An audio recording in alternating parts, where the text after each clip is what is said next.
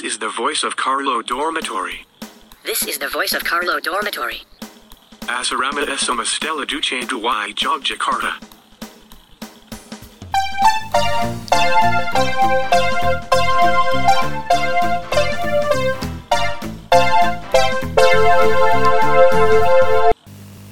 Salam jumpa dengan saya Pak Beni, Pamong Asrama Kalu SMA setelah 72 Yogyakarta. Selama pandemi ke depan, saya akan menggunakan podcast atau rekaman audio ini untuk menyapa teman-teman yang ada di rumah yang belum bisa bergabung dengan kita di asrama.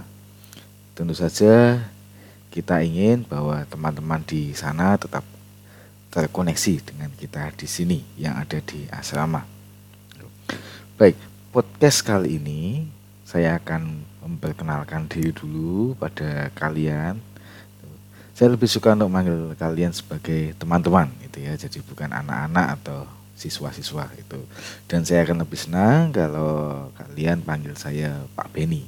Itu tidak perlu dengan Pak Guru atau Pak Pamong tentunya.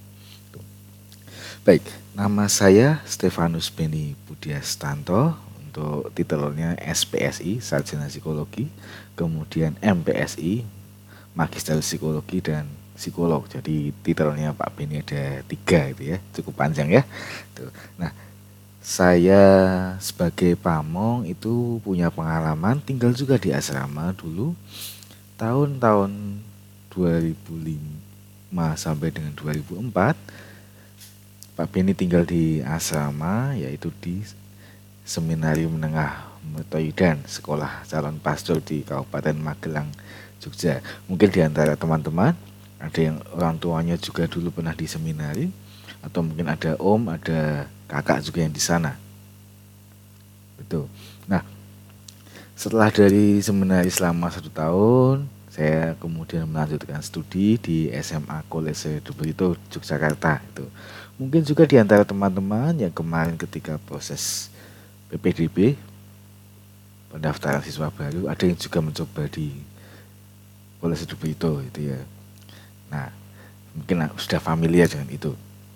Lalu setelah lulus SMA tahun 2009, Pak Beni melanjutkan studi di Fakultas Psikologi Universitas Gajah Mada, UGM tahun 2009 sampai dengan tahun 2014 itu ya. Nah, tentu juga Pak Beni berharap bahwa ya di antara kalian besok ada yang bisa masuk di UGM. Kuliah di UGM tentu baik ya. Itu apa pun jurusannya. Itu.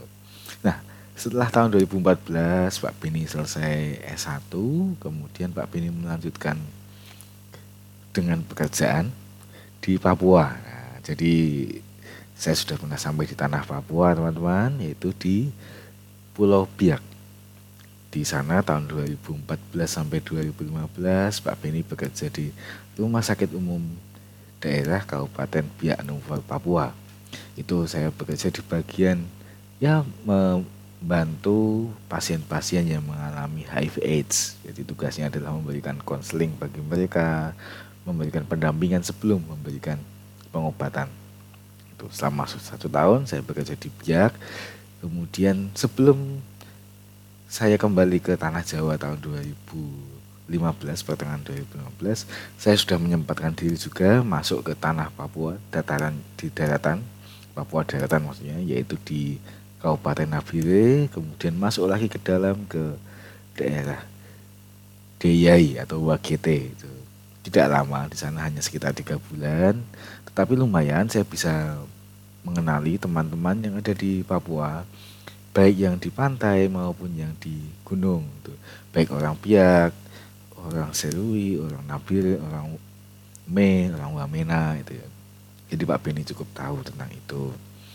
Tuh kemudian tahun 2015 pertengahan saya kembali ke Jogja untuk studi lanjut S2 psikologi UGM selama kurang lebih selama empat tahun. Itu.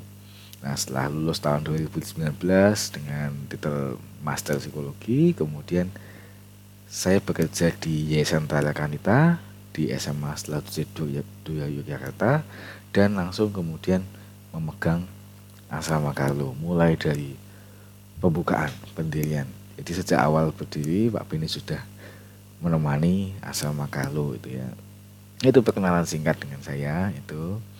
Nah eh, tentu saya memahami bahwa anak-anak asrama itu macam-macam ya. Berbagai macam suku berbagai macam latar belakang itu. Maka dengan itu Pak Beni juga tidak khawatir itu dan teman-teman juga tidak perlu khawatir dengan Pak Beni yang meskipun orang Jawa bukan berarti kemudian akan menjawakan teman-teman. Tidak tetapi eh, saya akan mengajari teman-teman bagaimana bisa hidup survive di Jogja dengan berbagai macam cara dengan berbagai metode yang akan dipakai di asrama. Itu. Nah Lalu eh, selama di asrama Pak Beni itu ditemani oleh Pak Dias. Nanti di podcast yang lain Pak Dias juga akan memperkenalkan diri. Itu. Itu. Oke, nah saya juga akan menjelaskan dulu pada teman-teman mengenai asrama. Itu. Tidak semua dari teman-teman itu pernah tinggal di asrama. Bahkan mungkin hanya sebagian kecil di antara kalian yang dulu ketika SMP pernah mengalami asrama.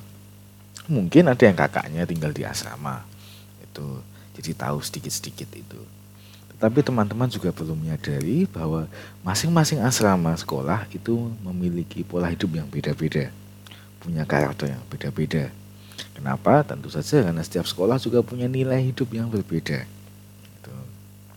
Nah di stereo di SMA setelah 72 Yogyakarta kita kenal dengan stereo itu teman-teman akan merasakan bahwa sekolah itu menyenangkan. Teman-teman dengan berbagai macam background itu semua bisa menerima. Tidak ada yang namanya perbedaan karena kelas ekonomi atau perbedaan karena suku atau perbedaan soal kecerdasan. Tidak ada. Semua itu adalah keluarga semua adalah teman dan sangat akrab antara guru dengan siswa itu tidak ada yang namanya guru kok ada eh, tidak ada yang namanya kok siswa itu takut dengan guru itu tidak ada. Tapi semua bisa saling menghormati satu sama lain menghargai dan sangat bersahabat. Itu ciri khas kita.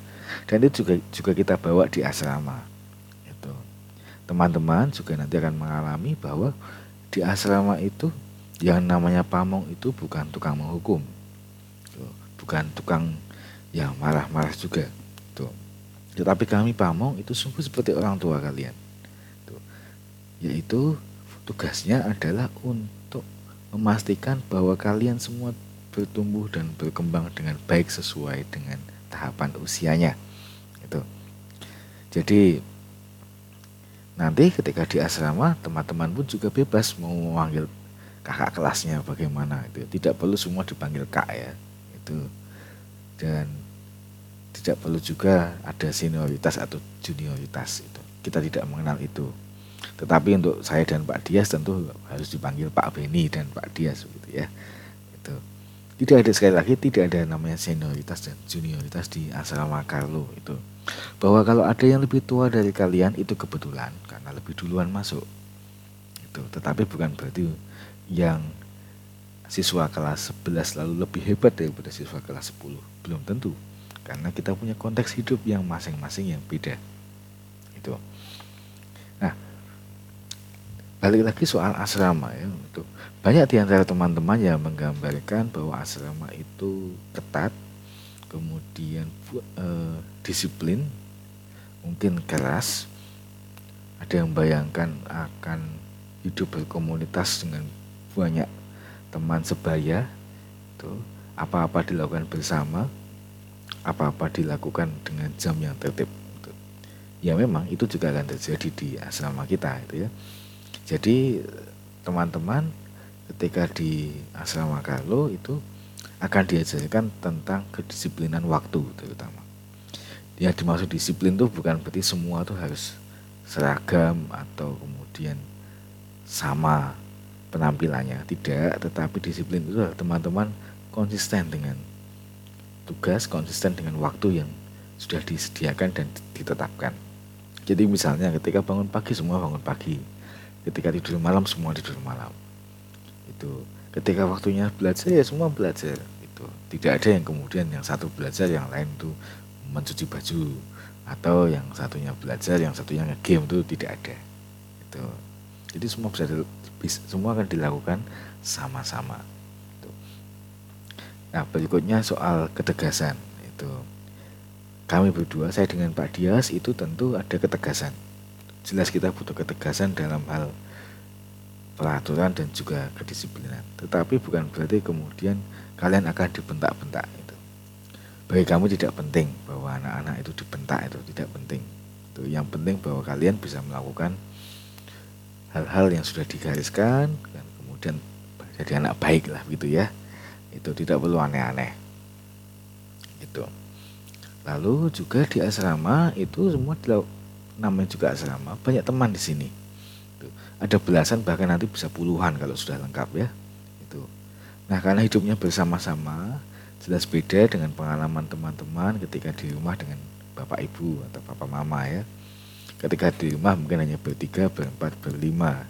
Tapi ketika di asrama kalian dengan puluhan teman itu bedanya adalah ya kalau kalian ketemu dengan banyak orang tentunya kalian akan kemudian berusaha untuk mengenali semuanya menyesuaikan dengan semuanya itu tidak bisa lagi kemudian dengan sembarangan berkegiatan atau beraktivitas. Tidak bisa juga kemudian menguasai semua tempat yang ada di asrama.